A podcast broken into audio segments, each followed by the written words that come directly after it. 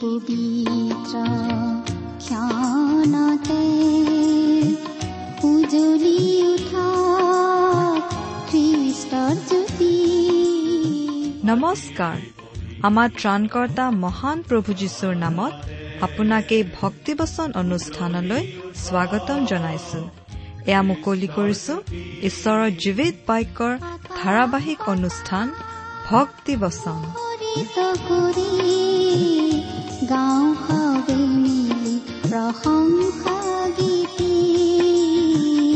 গাঁও সবে মিলি প্ৰশংসা গীতি আজিৰে পবিত্ৰ ক্ষণতে উজলি উঠা খ্ৰীষ্টৰ জ্যোতি আপোনাৰ জীৱনত যদি শান্তি পাব বিচাৰে তেন্তে এয়া ঈশ্বৰৰ বাক্যৰ সান্তনা বাক্য ভক্তি বচন। মাটিৰ দেহাতি মাটিতে মিলিলে জীৱনাথৰ অন্ত পৰিলে মাটিৰ দেহাতি মাটিতে মিলিলে ধনৰ টুকুলা বিলাসী বহলা ধনৰ টুকুলা বহলা যাম সকলোকে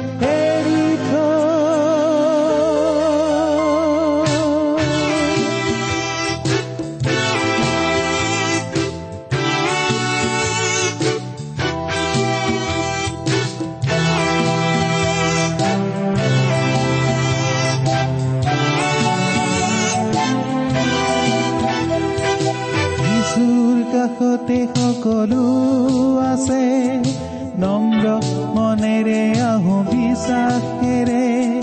যিচুৰ কাষতে সকলো আছে নম্ৰ মনেৰে আহো বিশ্বাসেৰে। তেওঁতে জিৰণি পায় আজি মোৰ মৰণলৈ একো ভয় অকলে আহিছো অকলে যাম গৈ।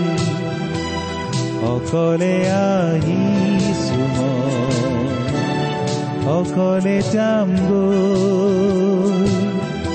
দুদিনীয়াই জীৱন নাট সামৰি থৈ অভিন। দুদিনীয়াই জীৱন নাট সামৰি থৈ অভিন।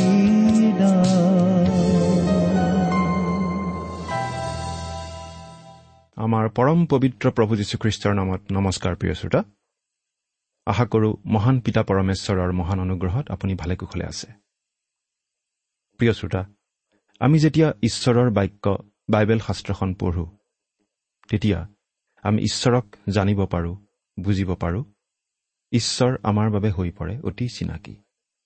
কাৰণ বাইবেল অধ্যয়ন কৰাৰ জৰিয়তে আমি ঈশ্বৰৰ মাত শুনো। ঈশ্বৰক কথা ক'বলৈ দিওঁ। সেইবাবেই আমাৰ এই ভক্তিবচন অনুষ্ঠান।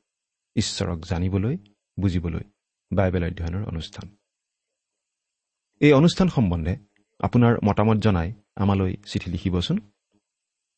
আমাৰ ঠিকনা ভক্তিবচন টি ডব্লিউ আৰ ইণ্ডিয়া ডাক বাকচ নম্বৰ সাত শূন্য গুৱাহাটী সাত আঠ এক শূন্য শূন্য এক। ভক্তিবচন T W R India postbox number seventy Guwahati seven eight one zero' zero' one আমাৰ website W W W dot radio' eight eight two dot com প্ৰিয় শ্ৰোতা আপুনি বাৰু আমাৰ এই ভক্তিবচন অনুষ্ঠানটো নিয়মিতভাৱে শুনি আছেনে? আমি বাৰু বাইবেলৰ কোনখন পুস্তক অধ্যয়ন কৰি আছো? আমি আজি কিছুদিনৰ পৰা বাইবেলৰ নতুন নিয়ম খণ্ডৰ পিতৰৰ প্ৰতি দ্বিতীয় পত্ৰ বা চমুকৈ দ্বিতীয় পিতৰ নামৰ পুস্তকখন অধ্যয়ন কৰি আছো। নহয় জানো? যোৱা অনুষ্ঠানত আমি এই দ্বিতীয় পিতৰ পুস্তকৰ দুই নম্বৰ অধ্যায়ৰ চাৰি নম্বৰ পদলৈকে পঢ়ি আমাৰ আলোচনা আগবঢ়াইছিলোঁ। আপুনি যদি আমাৰ যোৱা অনুষ্ঠানটো শুনিছিল তেনেহ'লে সেই কথা নিশ্চয় আপোনাৰ মনত আছে। আমি এটা বিশেষ গুৰুত্বপূৰ্ণ কথা আলোচনা কৰি আছো। ভাৰী কোৱা উপদেশক বা ভুৱা উপদেশকৰ কথা। পাচনি পিতৰে জনাই দিছে যে জগতত খ্ৰীষ্টীয় বিশ্বাসীসকলৰ মাজত বহুতো ভাৰী কোৱা উপদেশক বা ভুৱা উপদেশকৰ আৱিৰ্ভাৱ হ'ব। এই ভাৰী কোৱা উপদেশকবোৰে খ্ৰীষ্টীয় বিশ্বাসৰ মূল সত্যবোৰ জানিও নকয়। আনক ভুল কথা মিছা কথাহে শিকায়। তেনে ভুৱা উপদেশকসকলে আনকি প্ৰভু যীশুখ্ৰীষ্টকো ত্ৰাণকৰ্তা বুলি নামানে। আনৰ আগত কিন্তু তেওঁলোকে নিজকে খ্ৰীষ্টীয় বিশ্বাসী বুলিয়েই চিনাকি দিয়ে। কিন্তু প্ৰকৃততে তেওঁলোক খ্ৰীষ্টীয় বিশ্বাসৰ বিৰোধী। তেওঁলোকৰ মূল স্বাৰ্থ এটাই ব্যক্তিগত লাভ। ধনৰ লোভত আন কিবা ব্যক্তিগত লাভৰ আশাত তেওঁলোকে নানাবিধ কল্পিত বাক্যেৰে খ্ৰীষ্টীয় বিশ্বাসীসকলক বিভ্ৰান্ত কৰে। কিন্তু পিতৰে এই বুলিও জনাই দিছে যে এনেধৰণৰ ভুৱা উপদেশক বা শিক্ষকসকলে কেতিয়াও সাৰি যাব নোৱাৰে। ঈশ্বৰে তেওঁলোকক দণ্ড বিহিবই। তেতিয়া তেওঁ কৈছে যে আনকি ঈশ্বৰৰ অবাধ্য হৈ স্বৰ্গদূতবোৰো সাৰি যোৱা নাছিল। ঈশ্বৰৰ অবাধ্য হোৱা স্বৰ্গদূতবোৰকো ঈশ্বৰে মৰম নকৰি দোষী বুলি ৰায় দিলে আৰু ভৱিষ্যতে নৰকত পেলাই দিবৰ অৰ্থে সিহঁতক এতিয়া অন্ধকূপত বন্দী কৰি ৰাখিছে। মুঠতে ঈশ্বৰৰ বিৰুদ্ধে গৈ কোনো সাৰি যাব নোৱাৰে। আজি আমি পাঁচ নম্বৰ পদটোৰ পৰা চাই যাব খুজিছো। আহকচোন আজিৰ বাইবেল অধ্যয়ন আৰম্ভ কৰাৰ আগতে আমাৰ পৰম পিতা পৰমেশ্বৰৰ ওচৰত প্ৰাৰ্থনাত মূৰ্ণত কৰোঁ হওক। আমি প্ৰাৰ্থনা কৰোঁ। স্বৰ্গত থকা আমাৰ অসীম দয়ালু পিতৃ ঈশ্বৰ সকলো গৌৰৱ প্ৰশংসা তোমাৰেই হওক। প্ৰভু তোমাক অশেষ ধন্যবাদ জনাইছো। কিয়নো তুমি আমাৰ জীৱনত আৰু এটা নতুন দিন যোগ দিলা।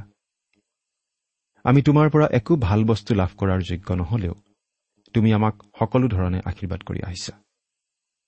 প্ৰভু যীশুৰ যোগেদি তুমি আমালৈ পৰিত্ৰাণৰ অমূল্য আশীৰ্বাদ বিনামূল্যে আগবঢ়াইছা।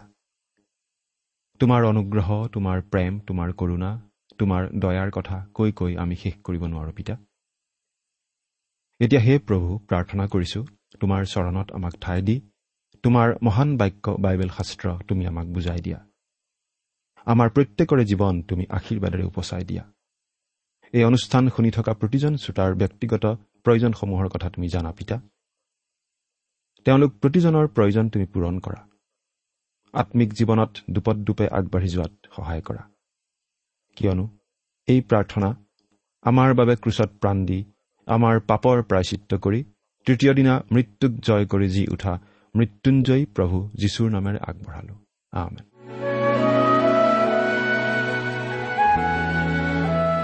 আহক এতিয়া আমি বাইবেল অধ্যয়নৰ পিনে আগবাঢ়ো। আজি আমি চাবলৈ লৈছো এই দ্বিতীয় পিতৰ পুস্তকখনৰ দুই নম্বৰ অধ্যায়ৰ পাঁচ নম্বৰ পদৰ পৰা। আমি একেবাৰে আঠ নম্বৰ পদলৈকে আলোচনা কৰিম।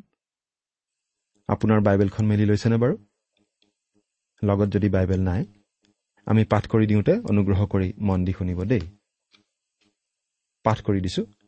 দ্বিতীয় পিতৰ দ্বিতীয় অধ্যায় পাঁচ নম্বৰ পদ।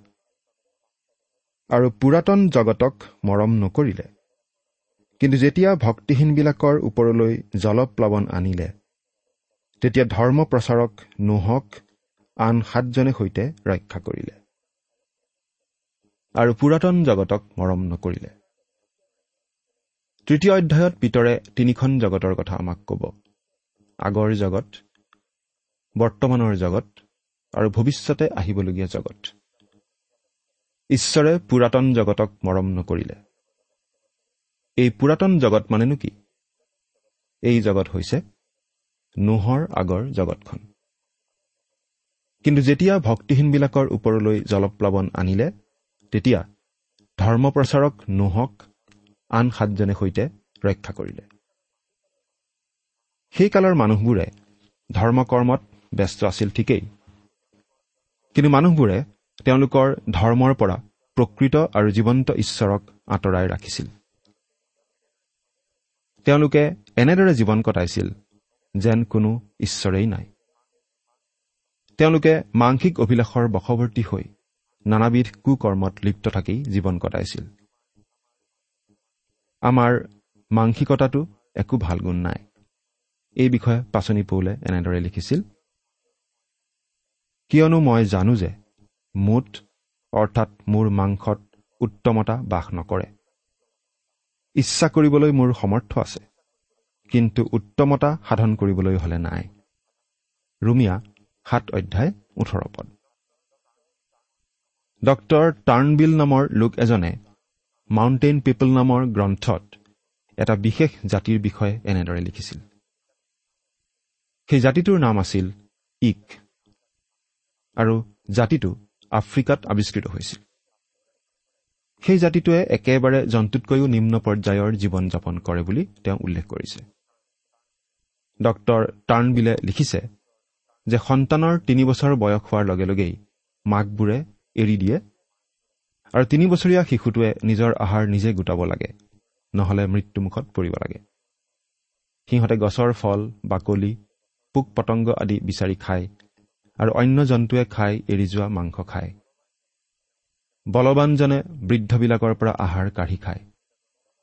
লিখকে কৈছে যে এই মানুহবোৰক জন্তু বুলি ক'লে আচলতে জন্তুক অপমান কৰা হ'ব। সেইবাবে ডক্তৰ টাৰ্ণবিলে মন্তব্য কৰিছে যে আচলতে মানৱীয় মূল্যবোধ মানুহৰ মাজত নিজে নিজে স্বভাৱগতভাৱে নাথাকে বৰং সমাজখনৰ লগতহে জড়িত হৈ থাকে। অৰ্থাৎ অতি চমুকৈ ক'বলৈ গ'লে ঈশ্বৰক বাদ দি এই জগতত মানুহ আচলতে পশুৰ নিচিনা বা হয়তো পশুতকৈও অধম। প্ৰিয় শ্ৰোতা ঈশ্বৰেহে আমাক প্ৰকৃত মূল্যবোধ দিয়ে। ঈশ্বৰেহে আমাক নৈতিকতাৰ মানদণ্ড দিয়ে। আৰু এইবোৰ আমাৰ মানৱ প্ৰকৃতিত নিজে নিজে সৃষ্টি নহয়। নোহে এনেকুৱা এখন জগতত বাস কৰিছিল যি জগতত মানুহে ঈশ্বৰক পাহৰি গৈছিল। ঈশ্বৰৰ প্ৰতি বিদ্ৰোহী ভাৱ প্ৰকাশ কৰিছিল। গোটেই মানুহবোৰৰ মাজত কোনো নীতি নিয়ম নোহোৱা হৈছিল। এই বিষয়ে আমি বাইবেলত এনেদৰে পঢ়িবলৈ পাওঁ। পাছে জিহুৱাই দেখিলে পৃথিৱীত মানুহৰ দুষ্টতা অধিক আৰু সদায় তাৰ মনৰ চিন্তাৰ সকলো কল্পনা কেৱল মন্দ। আদি পুস্তক ছয় নম্বৰ অধ্যায় পাঁচ নম্বৰ পদ। সেই সময়ত পৃথিৱী হিংসাৰে পূৰ্ণ আছিল। গতিকে ঈশ্বৰে হস্তক্ষেপ কৰি দণ্ড বিহিব লগা হ'ল। ঈশ্বৰে জলপ্লাৱন আনি নোহৰ দিনৰ সেই জগতখন ধ্বংস কৰিব লগা হ'ল। কেৱল বাচি গ'ল নোহ আৰু তেওঁৰে সৈতে সাতজন ব্যক্তি। নোহক ধৰি আঠজন। নোহ তেওঁৰ পত্নী তেওঁলোকৰ তিনি পুত্ৰ আৰু তিনিগৰাকী বোৱাৰী। সেই জলপ্লাৱনৰ মাজত ঈশ্বৰে তেওঁলোকক ৰক্ষা কৰিলে। নোহৰ দিনৰ জগতখন সম্পূৰ্ণ ঈশ্বৰ বিৰোধী জগত হৈ পৰিছিল কেৱল নোহৰ পৰিয়ালটোৰ বাহিৰে। আৰু উপযুক্ত সময়ত ঈশ্বৰে জগতখনক দণ্ড বিহিলে জলপ্লাৱনৰ জৰিয়তে। কিন্তু মানৱ জাতি ঈশ্বৰে জীয়াই ৰাখিলে। নোহৰ পৰিয়ালটোৰ যোগেদি। ঈশ্বৰে দণ্ড বিহিলে ঠিকেই। কিন্তু তেওঁৰ অমূল্য সৃষ্টি মানৱ জাতিক জীয়াই ৰাখিলে আৰু মানৱ জাতিক তেওঁ পৰিত্ৰাণ দিব বুলি আগতেই আঁচনি কৰি থৈছিল। সেই আঁচনি মতেই প্ৰভু যীশু আহিল আৰু মানৱৰ পাপৰ প্ৰাচিত্য কৰিলেহি ক্ৰুচৰ ওপৰত যাতে তেওঁক ত্ৰাণকৰ্তা বুলি গ্ৰহণ কৰি মানুহে পৰিত্ৰাণ লাভ কৰিব পাৰে। মানৱ জাতিক ঈশ্বৰে কেতিয়াও নিশ্চিন্ন হ'ব নিদিয়ে। প্ৰভু যীশুৰ যোগেদি অগণন লোকে ঈশ্বৰৰ স্বৰ্গৰাজ্যত স্থান যাতে পায় তাৰ ব্যৱস্থা ঈশ্বৰে কৰি দিলে। পাচনি পিতৰে আমাক এই জলপ্লাৱনৰ কথাটো আকৌ মনত পেলাই দিছে। জগতখনৰ মানুহবোৰ ঈশ্বৰেই সৃষ্টি কৰিছিল। কিন্তু প্ৰয়োজন হোৱাত ঈশ্বৰেই মন্দ জগতখনৰ মানুহবোৰ জলপ্লাৱনৰ যোগেদি ধ্বংস কৰি পেলাইছিল। কেৱল নোহৰ পৰিয়ালটোৰ বাহিৰে। মুঠতে ঈশ্বৰৰ অবাধ্য হৈ কোনো সাৰি নাযায়। নোহ ঈশ্বৰ ভক্ত আছিল। সেইবাবেই ঈশ্বৰে তেওঁক সপৰিয়ালে ৰক্ষা কৰিছিল। নোহৰ বাহিৰে সেই সময়ৰ আন মানুহবোৰ ঈশ্বৰ ভক্ত নাছিল। তেওঁলোকে নিশ্চয় নোহক নানা প্ৰকাৰে ঠাট্টা বিদ্ৰোপ কৰিছিল। হয়তো বিভিন্ন প্ৰকাৰে আমনিও কৰিছিল। কিন্তু নোহ ঈশ্বৰ বিশ্বাসত অটল হৈ আছিল আৰু ঈশ্বৰৰ নিৰ্দেশমতেই সকলো কাম কৰি জলপ্লাৱনৰ পৰা ৰক্ষা পাইছিল সপৰিয়ালে। প্ৰিয় শ্ৰোতা অলপ চিন্তা কৰি চাওকচোন। আজিও আমি বাৰু ঠিক তেনেকুৱা ধৰণৰ পৰিস্থিতিৰ সন্মুখীন হ'বলগীয়া নহয়নে? খ্ৰীষ্টীয় বিশ্বাসী হোৱাৰ কাৰণে আমিও বাৰু আনৰ ঠাট্টা মস্কৰা আদি শুনিবলগীয়া নহয়নে? ঈশ্বৰৰ বাধ্য হৈ চলিবলৈ যাওঁতে আমিও জগতৰ পৰা নানা ধৰণৰ বাধা তাৰণা আদি পাব লগা নহয়নে? কিন্তু আমিও নোহোৱাৰ নিচিনা হ'ব লাগিব। আমাৰ বিশ্বাসত থিৰে থাকিব লাগিব। জগতৰ লগত মিলি পৰিব নালাগিব। জাগতিক চিন্তাধাৰাত নিজকে উটুৱাই দিব নালাগিব। এই বিষয়ে আমাক বাইবেলত বাৰে বাৰে সকীয়াই দিয়া হৈছে। এতিয়া ছয় নম্বৰ পদটো পঢ়ি দিম। আৰু চদুম আৰু ঘমুৰা নগৰ ভস্ম কৰি উৎপাটন ৰূপ দণ্ড দি ভক্তি লংঘনকাৰী ভাবি মানুহবিলাকলৈ আৰ্হি কৰি থলে।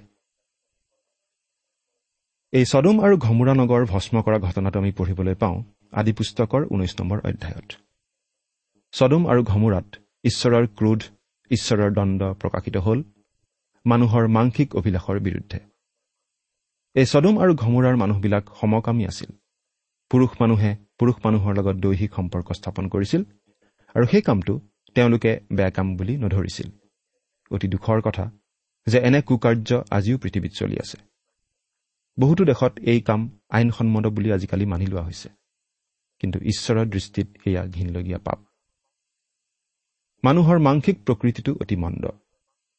আমাৰ সকলোৰে গাত এই পুৰণি প্ৰকৃতিটো আছে আৰু এই পুৰণি প্ৰকৃতিটোৱে সুবিধা পালেই নানা ধৰণৰ কুকৰ্মৰ মাজেদি প্ৰকাশ পাই উঠিব খোজে। নানাবিধ মন্দতা নানাবিধ অনৈতিকতা ঘীনলগীয়া কাৰ্যৰ মাজেদি আত্মপ্ৰকাশ কৰি উঠিব খোজে। কোনো এটা বেয়া কাম আমি বেয়া কাম নহয় বুলি ক'লেই সেইটো ভাল কাম হৈ যাব নোৱাৰে। ঠিক একেদৰে সমকামী স্বভাৱটো আজি সমাজে গ্ৰহণ কৰি ল'লেই সেইটো গ্ৰহণযোগ্য হ'ব নোৱাৰে। কাৰণ সেই কামটো ঈশ্বৰে অতি ঘীনলগীয়া কাম বুলি ঘোষণা কৰি থৈছে বাইবেলত। ৰুমিয়া প্ৰথম অধ্যায় ওঠৰৰ পৰা বত্ৰিশ পদ পঢ়িলে এই কথা আমি স্পষ্টভাৱে বুজি পাওঁ। সমাজে বেয়া কামক বেয়া কাম বুলি ক'বলৈ এৰিলে সেই বেয়া কামটো সমাজত দিনে দিনে বাঢ়ি যাবই। আৰু তেনেকুৱা ঘটি থকা আমি দেখি আছো। ঈশ্বৰে চদুম আৰু ঘমোৰাক ধ্বংস কৰিছিল যাতে আন মানুহবোৰে বুজি পায় সেইটো কিমান ঘীনলগীয়া কাম। ঈশ্বৰৰ বিৰুদ্ধে যোৱা মানুহৰ কি দশা হয় তাৰ উদাহৰণ হিচাপে ঈশ্বৰে চদুম আৰু ঘমোৰাক ধ্বংস কৰিছিল। সেই কথা আমি পাহৰি যাব নালাগে। এতিয়া সাত আৰু আঠ নম্বৰ পদ দুটা পঢ়ি দিম। আৰু সেই ধৰ্মহীনবিলাকৰ লম্পট আচৰণত দুখ পোৱা যি ধাৰ্মিক লোট তেওঁক ৰক্ষা কৰিলে। কিয়নো সেই ধাৰ্মিকজন তেওঁবিলাকৰ মাজত বাস কৰোঁতে তেওঁবিলাকৰ অধৰ্ম কাৰ্য দেখি শুনি তাৰ কাৰণে দিনে দিনে নিজ ধাৰ্মিক প্ৰাণত বিৰক্তি পালে। তেন্তে সেই ভাৰিকুৱাবিলাককো মৰম নকৰিব। আৰু সেই ধৰ্মহীনবিলাকৰ লম্পট আচৰণত দুখ পোৱা যি ধাৰ্মিক লোট তেওঁক ৰক্ষা কৰিলে। ইয়াত দুখ পোৱা শব্দটো বুজাবলৈ যিটো মূল গ্ৰীক শব্দ পিতৰে ব্যৱহাৰ কৰিছিল সেই শব্দটো হৈছে কাটাপনীয়। আৰু এই শব্দটোৰ অৰ্থ হৈছে কষ্ট কৰি কৰি ভাগৰি পৰা ভাগৰত লেবেজান হৈ পৰা। ইয়াৰ অৰ্থ হৈছে কষ্ট দিয়া কুকাৰ্যৰ দ্বাৰা দমন কৰি ৰখা বা আন কথাত ক'বলৈ গ'লে অত্যাধিক মনোকষ্ট দিয়া। মানুহক ব্ৰেইন ৱাছ কৰাৰ কথা আমি প্ৰায়ে শুনিবলৈ পাওঁ। এই কামটো কেনেকৈ কৰে জানেনে? মানুহজনক বন্দী কৰি মুখত অনবৰতে উজ্জ্বল পোহৰ মাৰি অনবৰতে মানুহজনক নানান প্ৰশ্ন সুধি ব্যতিব্যস্ত কৰি তোলা হয়। আৰু শাৰীৰিক নিৰ্যাতন চলাই চলাই মানুহজনৰ মনোবল একেবাৰে ভাঙি দিয়া হয়। আৰু মানুহজনক মানুহজনৰ ইচ্ছাৰ বিৰুদ্ধে আন মতবাদ শিকাই দিয়া হয়। পিতৰে ইয়াত ব্যৱহাৰ কৰা শব্দটোতো তেনেকুৱা এটা ভাৱ সোমাই আছে। লোটে চদুম নগৰত থাকি অকণো ভাল পোৱা নাছিল। তেওঁ অনাবৰতেই মনোকষ্ট পাই আছিল। তেওঁ অন্তৰত অনাবৰতে যন্ত্ৰণা পাইছিল। আৰু চদুমত থাকিব লগা হোৱাটো তেওঁৰ বাবে অতি কষ্টদায়ক কথা আছিল। অৱশ্যে পুৰণি নিয়মত লোটৰ বিষয়ে পঢ়িলে আমাৰ এনেকুৱা এটা ধাৰণা সহজে নহয়। লোট ঈশ্বৰ বিশ্বাসী আছিল নে নাই এনেকুৱা সন্দেহ হ'ব খোজে। কিন্তু ইয়াত পিতৰে এনেদৰে জনাই দিয়া কাৰণে আমি বুজি পাওঁ যে লোট চদুমত থাকি সন্তুষ্ট হ'ব পৰা নাছিল। ইয়াত আমাক এই কথাটো পিতৰে জনাই দিছে যে ঈশ্বৰে লোটক সেই চদুম নগৰৰ পৰা উলিয়াই আনি ৰক্ষা কৰিলে। তাৰ পাছতহে চদুম নগৰখন ঈশ্বৰে ধ্বংস কৰিলে। ধাৰ্মিকসকলক ভক্তসকলক কেনেদৰে ৰক্ষা কৰিব লাগে ঈশ্বৰে জানে আৰু তেওঁ ৰক্ষা কৰেও। এই সকলো কথা আমালৈ আৰ্হি স্বৰূপে ঈশ্বৰে ৰাখিছে। এই কথাটো আমাক ছয় নম্বৰ পদত কোৱা হৈছে। প্ৰিয় শ্ৰোতা আমি স্বৰ্গত দুটা কথাত বিশেষভাৱে আচৰিত হ'ম। প্ৰথমতে আচৰিত হ'ম কিছুমান মানুহ স্বৰ্গলৈ নোযোৱা বাবে। কিছুমান মানুহক আমি হয়তো অতি ধাৰ্মিক বুলি এতিয়া ভাবি আছো। কিন্তু তেনেকুৱা কিছুমান মানুহ বাদ পৰি যাব কাৰণ তেওঁলোক প্ৰকৃততে খ্ৰীষ্টীয় বিশ্বাসী নহয়। আনহাতে কিছুমান মানুহক আমি হয়তো বেয়া মানুহ বুলি ভাবি থাকিব পাৰোঁ কিন্তু তেনেকুৱা কিছুমান মানুহকো আমি স্বৰ্গত লগ পাম। ঠিক লোটৰ নিচিনা মানুহ। মানুহৰ অন্তৰত আচলতে কি আছে একমাত্ৰ ঈশ্বৰেহে জানে। আমি কেৱল বাহ্যিক ৰূপটোহে দেখোঁ নহয় জানো? লোট অতি জঘন্য পৰিৱেশত বাস কৰিছিল। চাৰিওফালে কেৱল ঘীনলগীয়া কাৰ্য। কিন্তু তেওঁ মানুহবোৰৰ লগত মিলি পৰা নাছিল। তেওঁ মানুহবোৰৰ কাম কাজবোৰ ঘীন কৰিছিল। তেওঁ ঈশ্বৰত বিশ্বাস ৰাখিছিল। ঠিক অব্ৰাহমৰ নিচিনাকৈ। অৱশ্যে তেওঁ অব্ৰাহমৰ নিচিনা জীৱন কটোৱা নাছিল। অব্ৰাহমৰ জীৱন আছিল গোটেই জগতৰ বাবে আদৰ্শস্বৰূপ সাক্ষ্যস্বৰূপ। শাস্ত্ৰত লোটক এজন ধাৰ্মিক লোক বুলিয়েই উল্লেখ কৰা হৈছে তেওঁৰ বিশ্বাসৰ কাৰণে। কিন্তু তেওঁৰ জীৱনে তেওঁৰ বিশ্বাসৰ লগত বেছি সামঞ্জস্য দেখুওৱা নাছিল আৰু তেওঁ সেইবাবেই অনবৰতে মনত কষ্ট পাই জীৱন কটাব লগা হৈছিল সেই চদুম নগৰত। কিয়নো সেই ধাৰ্মিকজন তেওঁবিলাকৰ মাজত বাস কৰোঁতে তেওঁবিলাকৰ অধৰ্ম কাৰ্য দেখি শুনি তাৰ কাৰণে দিনে দিনে নিজ ধাৰ্মিক প্ৰাণত বিৰক্তি পালে। লোতে দিনে নিশাই কিমান লেতেৰা কথা শুনি থাকিব লগা হৈছিল চিন্তা কৰি চাওকচোন। ঈশ্বৰৰ সন্তান হোৱা লোকসকলে লেতেৰা কথা বতৰাত কেতিয়াও স্থায়ী আনন্দ বিচাৰি পাব নোৱাৰে। অনবৰতে তেনে কথা বতৰা শুনি লোট বিৰক্ত হ'ব লগা হৈছিল। ঈশ্বৰে লোটক কৈছিল লোট তুমি এই নগৰ এৰি পলাব লাগে। তুমি থকালৈকে এই নগৰখন মই ধ্বংস কৰিব নোৱাৰো। এটা কথা মনত পেলাওকচোন। ইতিমধ্যে অব্ৰাহামে লোটক সমালোচনা নকৰি লোটৰ কাৰণে প্ৰাৰ্থনাহে কৰি আছিল। এই কথাৰ পৰা আমিও শিক্ষা লোৱা উচিত। আমি তৎক্ষণাত আনক সমালোচনা কৰিব খোজো। কিন্তু তাৰ আগতে আমি নিজকে প্ৰশ্ন কৰা উচিত। সেই মানুহজনৰ বাবে মই বাৰু প্ৰাৰ্থনা কৰিছোনে? এৰা। আনক সমালোচনা নকৰি আমি আনৰ বাবে প্ৰাৰ্থনাহে কৰিব লাগে। তেতিয়াহে আনৰ প্ৰতি আমাৰ অন্তৰত প্ৰেম আছে বুলি প্ৰমাণ হ'ব। নহয় জানো? ঈশ্বৰে লোটক উদ্ধাৰ কৰি আনিলে আৰু তাৰ পাছতহে চদুম নগৰ ধ্বংস কৰিলে। লোটৰ লগতে অহা তেওঁৰ পত্নীয়ে কিন্তু উভতি চালে আৰু লগে লগে নিমখৰ স্তম্ভ হৈ পৰিল। কিয় বাৰু? আমি ভাবোঁ লোটৰ ভাৰ্যাই চদুম এৰি আহিছিল যদিও তেওঁৰ অন্তৰখন চদুমতেই আছিল। বা হয়তো ঈশ্বৰে যে সঁচাকৈ চদুম নগৰখন ধ্বংস কৰিব সেই কথা তেওঁ বিশ্বাস কৰা নাছিল। কিন্তু ঈশ্বৰে চদুম নগৰ ধ্বংস কৰিলে আৰু লোটৰ পত্নীক এটা নিমখৰ স্তম্ভলৈ ৰূপান্তৰিত কৰিলে। লোটক যে ঈশ্বৰে চদুমৰ পৰা উদ্ধাৰ কৰি আনিলে তাৰ মাজেদি আমি এটা গুৰুত্বপূৰ্ণ কথা শিকো। প্ৰভু যীশু আকৌ আহিব। আৰু এই পৃথিৱীৰ পৰা খ্ৰীষ্টীয় মণ্ডলী অৰ্থাৎ প্ৰকৃত খ্ৰীষ্টীয় বিশ্বাসীসকলক উঠাই লৈ যাব। তাৰ পাছতেই পৃথিৱীত মহাক্লেশৰ আৰম্ভণি হ'ব। ঈশ্বৰে সেই মহাক্লেশৰ পৰা তেওঁৰ সন্তানসকলক ৰক্ষা কৰিব ঠিক লোটক ৰক্ষা কৰাৰ নিচিনাকৈ। প্ৰিয় শ্ৰোতা আপুনি যদি প্ৰভু যীশুক আপোনাৰ ত্ৰাণকৰ্তা বুলি গ্ৰহণ কৰিছে তেনেহ'লে আপুনিও সেই মহাক্লেশৰ পৰা সাৰি যাব। ঠিক লোট সাৰি যোৱাৰ নিচিনাকৈ। এই কথাটোকে এবাৰ চিন্তা কৰি চাওকচোন। ঈশ্বৰে আপোনাক আশীৰ্বাদ কৰক। আহমেদ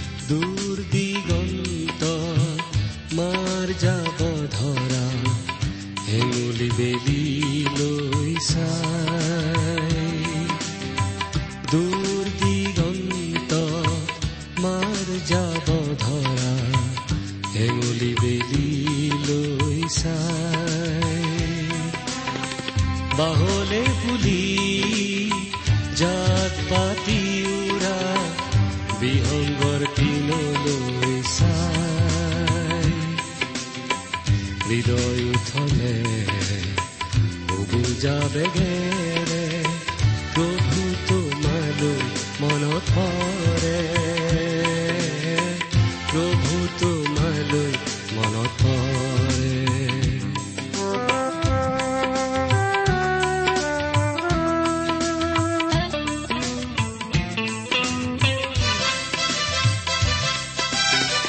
মইনো কোন আহিছো কৰ পৰা মোৰ মূল্যই বা ইমান পৰে আপুনি ভক্তিবচন অনুষ্ঠানটি শুনিলে।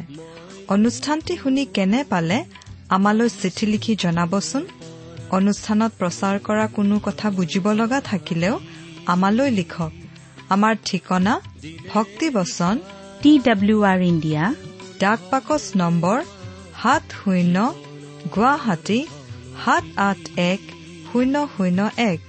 ঠিকনাটো আৰু এবাৰ কৈছো ভক্তিবচন টি ডাব্লিউ আৰ ইণ্ডিয়া। ডাক পাকচ নম্বৰ সাত শূন্য গুৱাহাটী সাত আঠ এক শূন্য শূন্য এক। আপুনি ইমেইল যোগেৰেও আমাৰ সৈতে যোগাযোগ কৰিব পাৰে। আমাৰ ইমেইল আইডিটো হৈছে Assamese T TV at radio' eight eight two dot com. আইডিটো আকৌ এবাৰ কৈছো। Assamese T TV at radio' eight eight two dot com. আপুনি টেলিফোনৰ মাধ্যমেৰেও আমাক যোগাযোগ কৰিব পাৰে। আমাৰ টেলিফোন নম্বৰটো হৈছে শূন্য তিনি ছয় এক দুই ছয় শূন্য চাৰি ছয় সাত এক। ফোন নম্বৰটো আকৌ এবাৰ কৈছো zero' three six one two six zero' four six seven one. আজিৰ অনুষ্ঠানটি ইমানতে সামৰিছো। ঈশ্বৰৰ শান্তি আৰু অনুগ্ৰহ আপোনাৰ লগত থাকক। ধন্যবাদ। হৃদয় কৃতজ্ঞতাৰে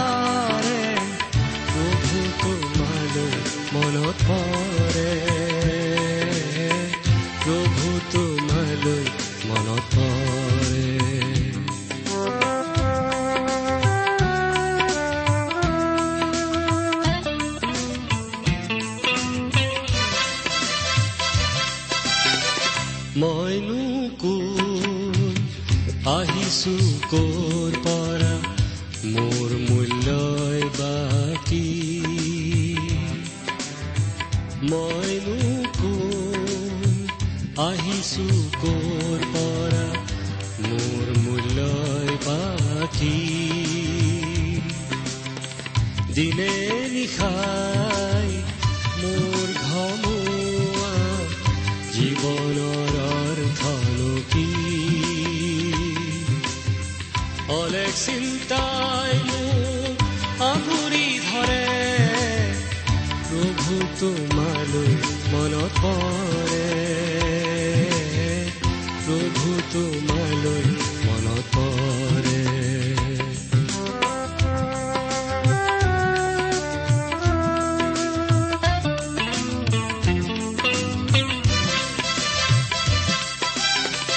তুমিয়েই দিলা মোক জীৱনৰ অৰ্থ জীয়াই থকাৰ লক্ষ্য। তুমিয়েই দিলা মোক জীৱনৰ অৰ্থ জীয়াই থকাৰ লক্ষ্য।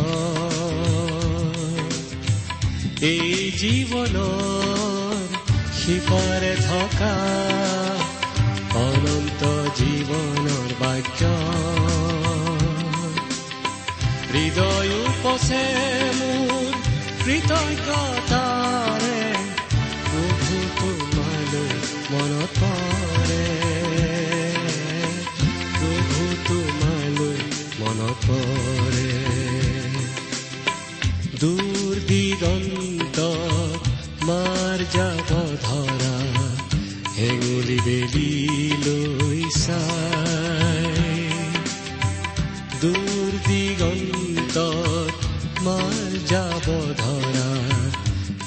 হেঙুলি বেলি লৈ চাই বাহলে বুলি